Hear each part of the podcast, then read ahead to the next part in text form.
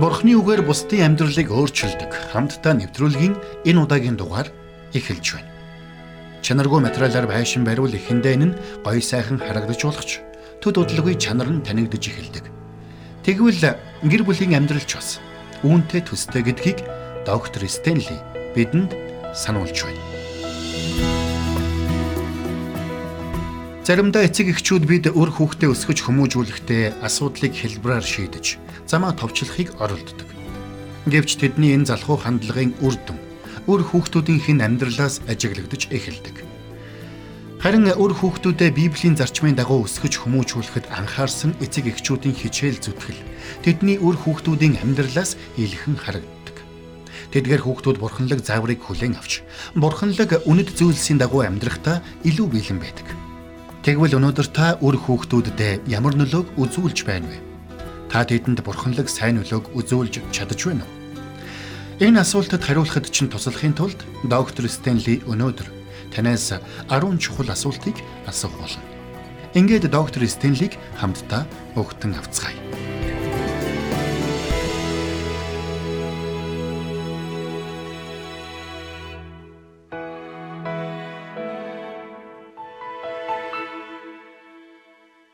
Бид хүүхэд байхасаа л орчин тойрноос маш их хүчтэй нөлөөг авч өссөн байдгийг.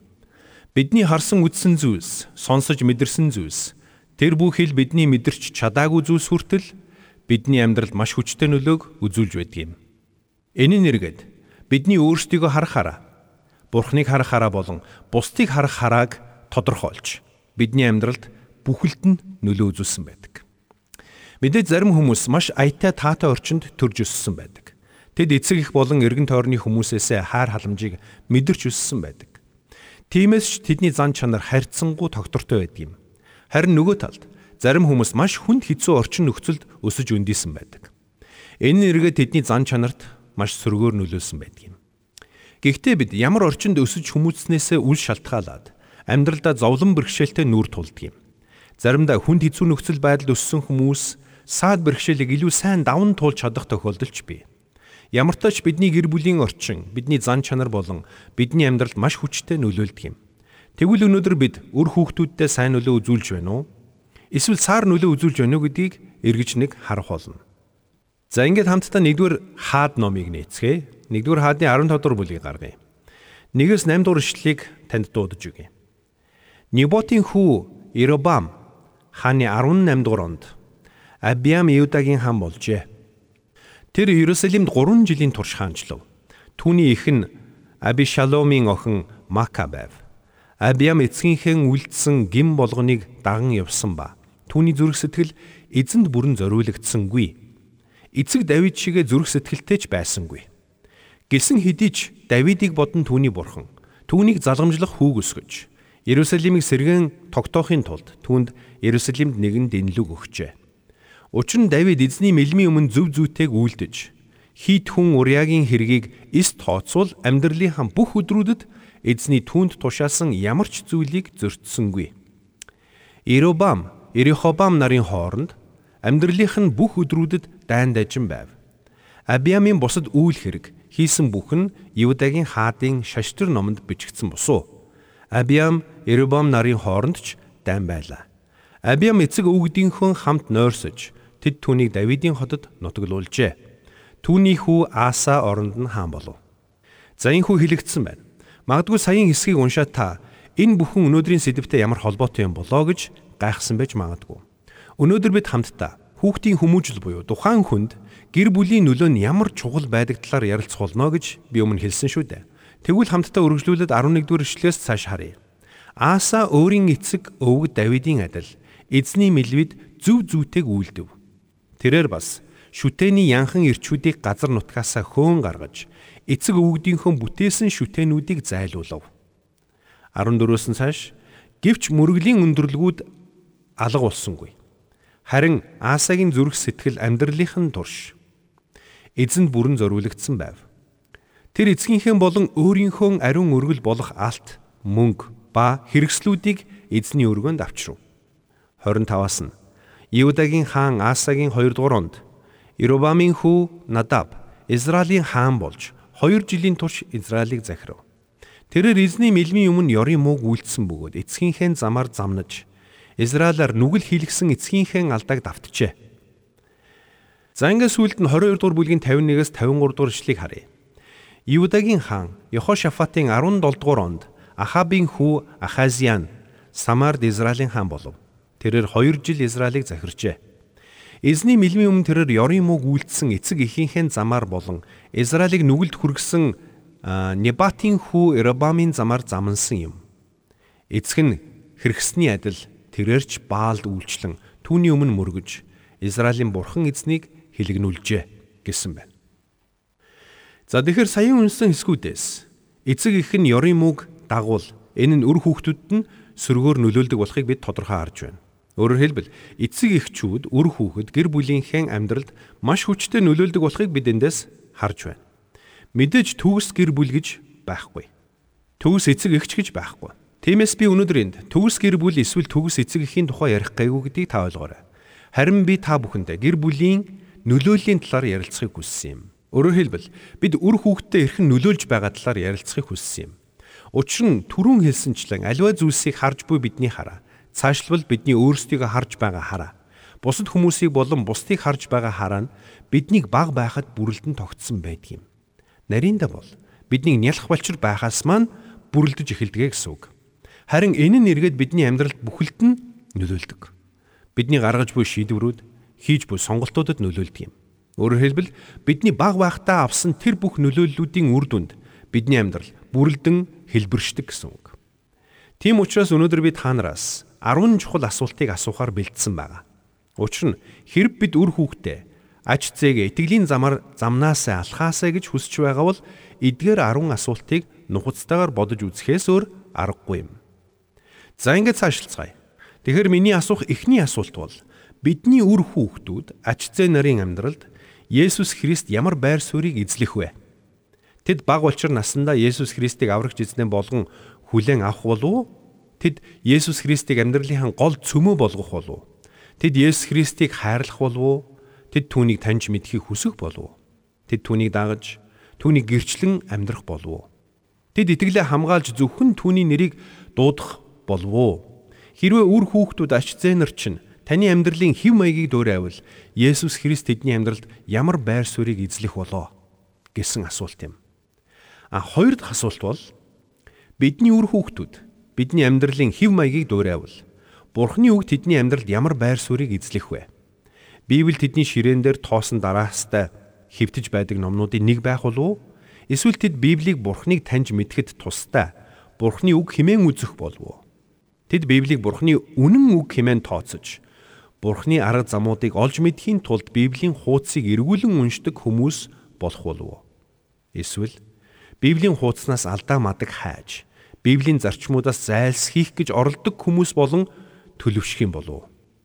Библи бол амьд Бурхны алдаа мадаггүй төгс илчлэл. Бид энэ номонд бичигдсэн заавар зарчмуудын дагуу амьдрах учиртай. Тэгвэл таны хүүхдүүд таны амьдралыг даган дуурайснараа Библийн энэ бүх чухал үннийг ойлгож ухаарсан хүмүүс болон төлөвшөж чадна гэж та бодож байна уу? Бурхны үг тэдний амьдралд ямар байр суурийг эзлэн гэж та бодож байна вэ? Библи тэдний амьдралыг өдөрдөн жолоодох хамгийн чухал, хамгийн үн цэнтэй ном байж чадах болов уу? Та бодод үзээрэй. За гурав дахь асуултыг асууя. Хэрвээ үр хүүхдүүд маань биднийг даган дуурайвал тэдний залбирлын амьдрал ирээдүйд ямар байх вэ? Тэд залбирлыг хүнд хэцүү асуудалтай нүүр тулах үедээ л ашигладаг зүйл гэсэн ойлголттой байх болов уу? Эсвэл залбирлыг Бурханаас бидэнд өгсөн гайхамшигтай бэлэг гэдгийг ойлгож ухаарсан хүмүүс болж төлөвшөх болов уу? Тэдний нүдэн дээр бид хэр их залбирч харагддаг үлээ. Хэрвээ тэд бидний амьдралын үлгэр дуурайллыг дагуул тэд залбирлыг Бурхан эцэгтэйгээ ярилцах, Бурханы дуу хоолойг сонсох гайхамшигтай боломж гэж харах болов? Тиймээс бид үр хүүхдүүдтэй залбирлын үнц нь утга учирыг ойлгуулахыг хүсэж байгаа бол тэдний нүдэн дээр залбирдаг байх ёстой. Гэхдээ зөвхөн нөхцөл байдал муугар эргэх үед залбирдаг биш. Харин ямар ч үед залбирлыг энэ тэргуунд тавьдаг байх учиртай юм. Миний бодлоор хүүхдүүдэд залбирлын чухлыг ойлгуулахын хамгийн ухаалаг арга зам бол хүүхдүүдэд унтахтан залбирч өгөх явдал юм. Тэдний хүүхэд насны дурсамжинд таны хүүхдүүдийнхээ төлөө бурхан эцэгтэй хандан залбирэн гуйж буй дүр зураг хадагдан үлдээсэй гэж би хүсэж байна. Тиймээс тэд өөрсдийнхөө эцэг эхийг залбирлын хүмүүс байсан гэдгийг үргэлж дурсан санах болно. Аав ээжийнхэн залбирлыг харж өссөн хүүхдүүд тэр дүр зургийг хизээч мартахгүй гэдэгт би үнэхээр итгэлтэй байдгийн. Тиймээс таны үлгэр дуурайллыг дагуул хүүхдүүдийн чинь итгэлийн амьдралд залбирал ямар байр суурийг эзлэх болоо гэдгийг та одооноос эргцүүлэн бодоорой. Дөрөв дэх асуулт. Хүүхдүүд маань өөрсдийнхөө амьдралд хандсан Бурхны хүсэл зорилгыг энэ тэргүүн тавьдаг хүмүүс болон өсөж төлөвшөж чадах болов уу? Тэд амьдралынхаа чухал шийдвэрүүдийг гаргахдаа юг хамгийн чухалд тооцох бол? Тэд Бурхан эцгийнхээ хүсэл зорилгыг энэ тэргүүнд тавьдаг. Бурхан эцгийнхээ хүслийг эрэлхийлдэг хүмүүс болон төлөвшөж чадах болов уу? Тэд өсөж том болох үедээ Бурхан тэдэнд хайртай гэдгийг мэддэг. Өөрийнх нь амьдралд хандсан Бурханы зорилгыг эрэлхийлдэг хүмүүс болж төлөвшөх болов? Тэдний гэрлэлт, тэдний гэр бүлийн амьдрал, тэдний боловсрал, тэдний ажил амьдралыг Бурхан анхааран хардаг гэдгийг тэд мэдэх болов? Хэрвээ та өр хүүхдүүдээ ийм хүмүүс болоосоо гэж хүсэж байгаа бол тэднийг ухаан орсон даруйд нь тэдэнд чиний амьдралд хандсан Бурханы төлөлгөө бий гэж хэлж өгөөрэй. Төлөлгөө гэж юу юм бэ? Гэж асуувал чиний амьдралд хандсан Бурханы хүсэл зориг бий юмаа гэж хариулаарай. Бурханы хүсэл зориг гэж юу юм бэ гэж асуувал тэдэнд Бурхан тэдний амьдралыг анхааран харж тэдэнд санаа тавьж тэдний амьдралыг урдаас мэддэг гэдгийг хэлж өгөөрэй. Бурхан чиний амьдралыг урдаас мэдж хамгийн сайн төлөвлөгөөг чамд бэлдсэн байгаа. Хэрвээ чи ухаалаг бол Бурханы тэрхүү хүсэл зорилгыг олж мэдхийн тулд ирж хайх болно хэмээн тэдэнд хэлж өгөөрэй. За ингээд тавд асуулт руу оръё. Хэрвээ бидний хүүхдүүд бидний тэдэнд үзүүлж буй үлгэр дуурайллыг дагвал тэд бусадтай бурханлаг бөгөөд хүчрэг харилцаа холбоог тогтоож чаддаг хүмүүс болж чадах болов. Тэд бусадтай найзалж нөхөрлөхдөө тэднийг өмссөн ховц унсан машин амьдрдаг байраар нь бус харин сүнслэг байдлыг нь харж нөхөрлөж дотносож чадах болов. Тэд ирээдүйн найз нөхөдтэйгөө Бурхны тухай ярилцаж хамтдаа итгэлээр өсөж чаддаг байх болов. Тэд найз нөхөдтэйгөө хамт сууж байхдаа Бурхны үгийг нээгээд хуваалцсан ярилцдаг. Амьдралд нь Бурхны хийсэн ажлуудыг гэрчлэн ярьж чаддаг байх болов. Тэд ийм нөхөрлөл, ийм харилцааг бий болгож чадах болов. Тэд ийм найз нөхөдтэй болж чадах болов. Мөн тэд найз нөхдийнхөө дарамт шахалтыг даван гарч итгэлээрээ бат зогсож чаддаг хүмүүс байж чадах болов. Тэд амьдралдаа ямар хүмүүстэй нөхөрлөж мөн ямар нөхөрлөлийг бий болгох болоо. Эдгээр асуултуудыг асуугаарай. Мөн 6 дахь асуулт нь. Энэ бол маш чухал асуулт гэж би бодож байна. Тэд хөрөнгө мөнгөө ухаалгаар захиран зарцуулдаг хүмүүс болон төлөвшөж чадах болов. Тэд бүхий л амьдралынхаа туршид мөнгө санхүүгийн асуудалтай нүүр тулах болно. Тэгвэл бүхий л эд хөрөнгө нь Бурханаас ирдэг гэдгийг тэд ойлгож ухаарсан хүмүүс болж өсөх болов. Тэд эд хөрөнгө, мөнгө санхүү, материалын эд зүйлс нь Бурханаас тэдэнд өгсөн зүйл бөгөөд тэд Бурханы өмнө сайн нярууд байх учиртай гэдгийг ойлгож ухаарсан хүмүүс болж төлөвшөх болов. Тэд таны үлгэр дуурайллыг дагуул мөнгөний жинхэнэ үндсийг ойлгож ухаарсан хүмүүс болж төлөвшөж чадах уу? Тэд мөнгийг туйлын зориг биш харин хэрэгцээгээ хангах хэрэгсэл төдий зүйл гэдгийг ойлгож ухаарах болов. Тэд мөнгийг тэдний амьдралд хандсан Бурхны хүслийг гүйцэлдүүлэх хэрэгсэл, Бурхнаас тэднийг итгэмжт сайн ярв байхад нь туслахаар өгсөн бэлэг гэдгийг ойлгож ухаарах болов. Тэдний мөнгөнд хандах хандлага нь ямар байх вэ? Таны хувьд үр хүүхдүүдэд мөнгө санхуд зөвөр ханддаг хүмүүс болгон хүмүүжүүлэхийг хүсэж байгаа бол тэднийг аль болох багаас нь мөнгө санхүүтэй харилцах боломжийг олгоорой. Ингэхдээ тэдэнд мөнгө өгөх бүрдээ эрүүл мэнд хүч чадлыг бурхан тэдэнд өгдөг гэдгийг сануулаарай. Мөн мөнгө санхүүж бас бурханаас ирдэг гэдгийг ойлгуулаарай. Түүгээр зогсохгүй. Бурхан тэднийг 11-ээ өргөхийг хүсдэг гэдгийг тэдэнд хэлж өгөөрэй. 11 ба түүнээс дээш хувийг бурханд өргөснөөрөө хоосордоггүй. Харин ч бурханд илүү их итгэж байгаагаа үгээрээ илэрхийлдэг гэдгийг тэдэнд хэлж өгөөрэй. Мөн ийхүү итгэгчдийг бурхан аривнаар хангаж өрөөдөг гэдгийг ч тайлбарлаж өгөөрэй. Ингэхдээ та өөрөө мөнгө санхүүд хэрхэн хандаж байгаагаараа тэдэнд үлгэр дуурайл үзүүлэх нь чухал гэдгийг санаарай. Хэрвээ өр хүүхдүүд чинь таны үлгэр дуурайллыг дагвал анхны цалингаас 11-гээ буюу түүнээс өндөр хувийг бурханд өргөх болов. Христэд итгэгчид бид санхүү мөнгөндөө ухаалаг, тооцоотой, зөв хандлагаар хандаж чаддаг байх нь чухал гэдгийг тэд ойлгосон хүмүүс болж төлөвшөх болов. За, цаашлие. Дараагийн 7 дахь асуулт. Тэд хамгийн сайнаар ажиллаж хөдөлмөрлөх урам зоригоор дүүрэн хүмүүс болж төлөвшөх болов. Тэд өөрсдөөс нь шаардсанаас ч илүү хийдэг зүтгэлтэй хүмүүс болж төлөвшөх болов. Тэд ажиллаж хичээнгүй, бүтээлж, шаргуу хүмүүс байж чадах болов. Тэд бурханлаг амбицыг тээсэн хамгийн сайн руу тэмүүлсэн хүмүүс болж чадах болов. Тэд хааж юу ч ямар ч ажил эрхэлсэн эцсийн дүнгээ бурхны өмнө таалагнах болно гэдгээ ухамсарлсан хүмүүс болон төлөвшөж өсөх болов. Бид үр хүүхдүүдээ баг болчир наснаас нь хамгийн сайнаар хичээдэг хүмүүс болон төлөвшөгтөн туслах ёстой. Мэдээж хүн бүрийн чадвар адилгүй. Тухайн хүүхдийн чинь хамгийн сайн нь өөр нэгний хамгийн сайнаас өөр байж болно. Гэхдээ л бурхан тэднийг хамгийн сайнаараа хичээгээсэй гэж хүсдэг гэдгийг тэдэнд ойлгуулах нь чухал юм. Үүнийг ойлгосон хүүхдүүд тууштай хичээнгүй хүмүүс болж чаддаг юм. Тэгвэл таны хүүхдүүд ирээдүйд тийм хүмүүс болж төлөвшөх болов. Эсвэл тэд амархан шантардаг хүмүүс болох уу? Жинхэнэ амжилт хамгийн сайнаараа хичээснээр ирдэг. Жинхэнэ амжилт Бурхны дуулууртаагаар дагснаар ирдэг гэдгийг ойлгож ухаарсан хүмүүс болон төлөвшөж чадах болов. Угтаа бол хэдийгээр чи алдаа гаргаж бүдэрч болох боловч Бурхныг дуулууртаагаар дагаж байгаа бол чи амжилтаа яваа хүн шүү гэсэн ойлголтыг бид хүүхдүүддээ сургаж өгөх хэрэгтэй. Учир нь Христэд итгэгчид бид Есүс Христийг төлөөлж байдаг учраас ямар ч үед хамгийн сайнаараа хийж, ямар ч үед Бурхныг дуулууртаа дагна гэсэн хүсэл эрмэлзэлтэй байх нь чухал юм. 8 дахь асуулт. Хэрвээ өр хүүхдүүд чинь таны амьдралын хэв маягийг дагуул сүм чуулган тэдний амьдралд ямар байр суурийг эзлэх вэ? Тэдний хувьд Христийн чуулган зүгээр нэг байшин барилга төдий зүйлс байх уу? Эсвэл аврагдсан хүмүүсийн чуулган тэдний амьдралд чухал байр суурийг эзлэх үү? Хэрвээ тэд таны амьдралын хэв маягийг даавал заада сүм чуулганд хамрагдах зав цагч алгадаа гэж хэлдэг хүмүүс болох уу? Эсвэл сүм чуулганд хамрагдаж итгэжтэй хамтдаа бурханд хүндлэлийг өргөх нь тэдний сүнслэг өсөлтөд амин чухал гэдгийг ойлгож ухаарсан хүмүүс болж төлөвшөж байна уу? Сүм чуулган бол Христийн энэ дэлхийд ирэх бие бөгөөд чуулганаар дамжуулаад дэлхийн ертөнц бүхэлдээ Есүс Христийг таньж мэддэг гэдгийг ойлгож ухамсарлсан хүмүүс болж төлөвшөх болов. Тэд чуулганд хамрагдаад зогсохгүй, чуулганыг дэмжин тэтгэж, чуулганаа хамгаалдаг хүмүүс болж чадах болов. Сүм чуулгандаа 11-гээ өргөдөг. Пастор ахлагч нар чуулганыхаа удирдлагыг хүндэлдэг хүмүүс болж төлөвшөх. Сүнслэг эрх мэдэлд дуулууртай захирагдахын тулд утга учирыг ойлгож ухаарсан хүмүүс болж чадах болов.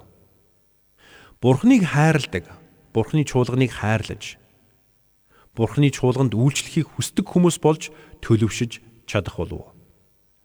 Хэрвээ үр хүүхдүүд чинь таны үзүүлж буй үлгэр дуурайллыг дагвал Христийн чуулганыг амьдралынхаа салшгүй нэг хэсэг болгосон хүмүүс болон төлөвшөх болов.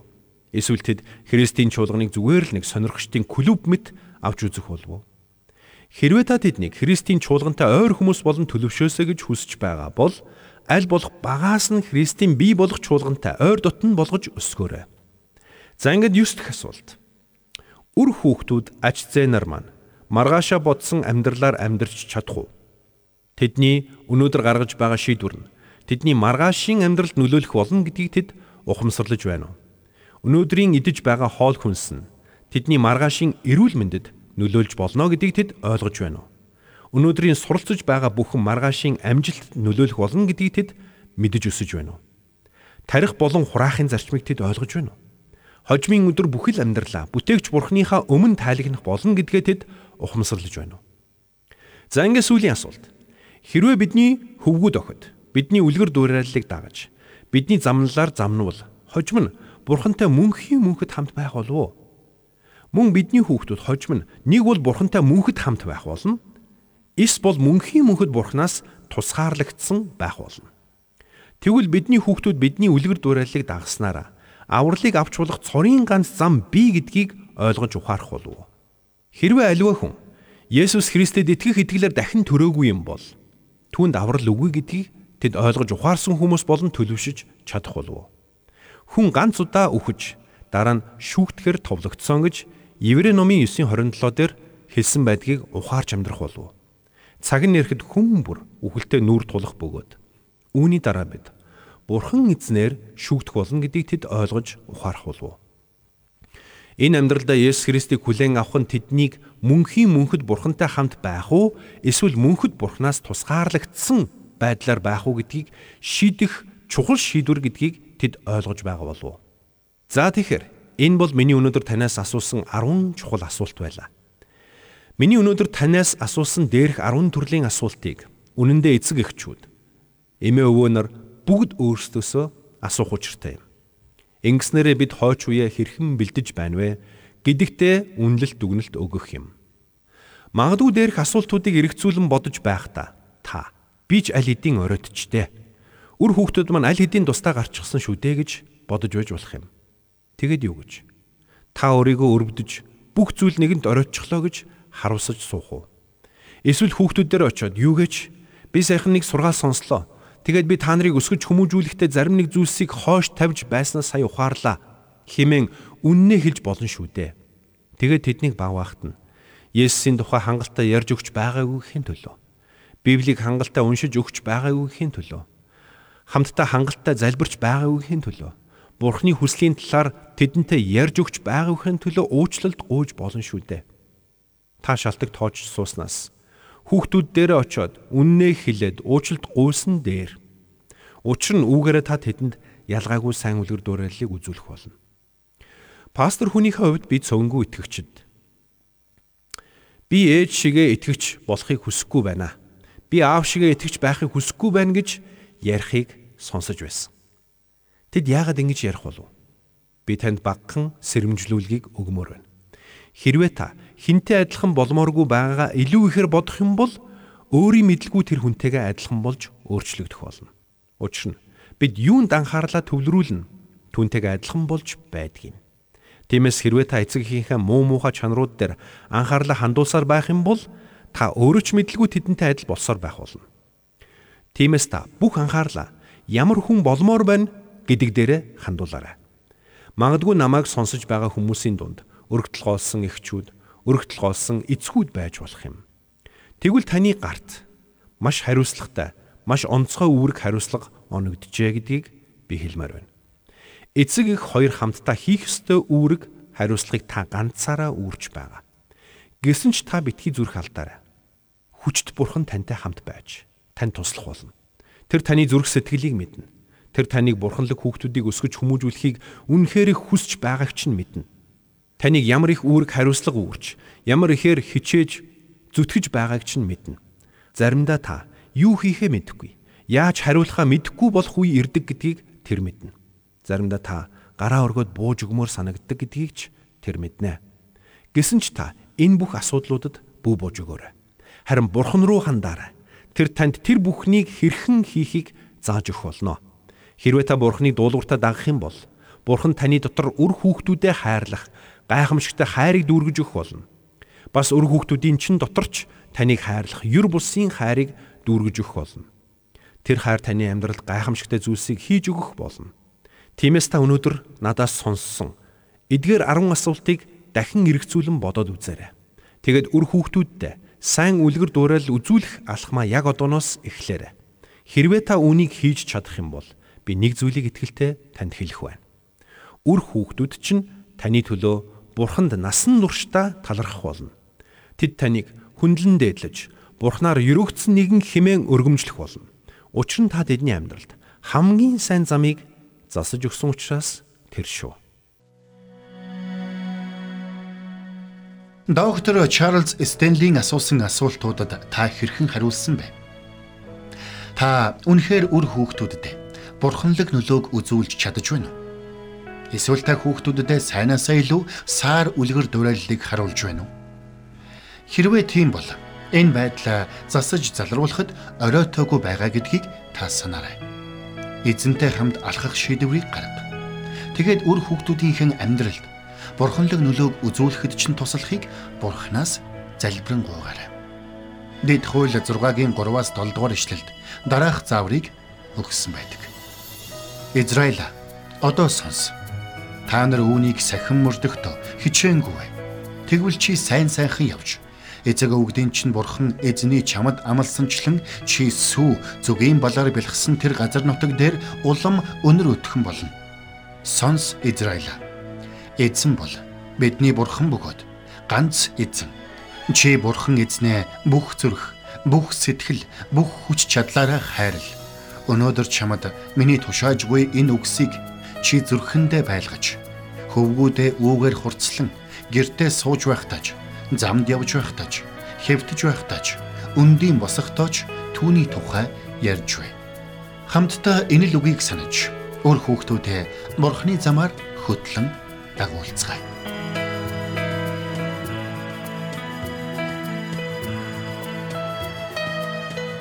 Бурханд тэмүүлсэн сэтгэл хүмүүсийг энэрх зөрхөөр амьдрахад туслах номлогч доктор Чарлз Стенлигийн хамттай нэвтрүүлэг сонсогч танд хүрлээ. Нэвтрүүлгийг дахин сонсохыг хүсвэл ихтгэл радиоцик.com-оор зочлоорой. Бидэнтэй холбогдохыг хүсвэл 8085 99 тэгтэг дугаард хандаарай.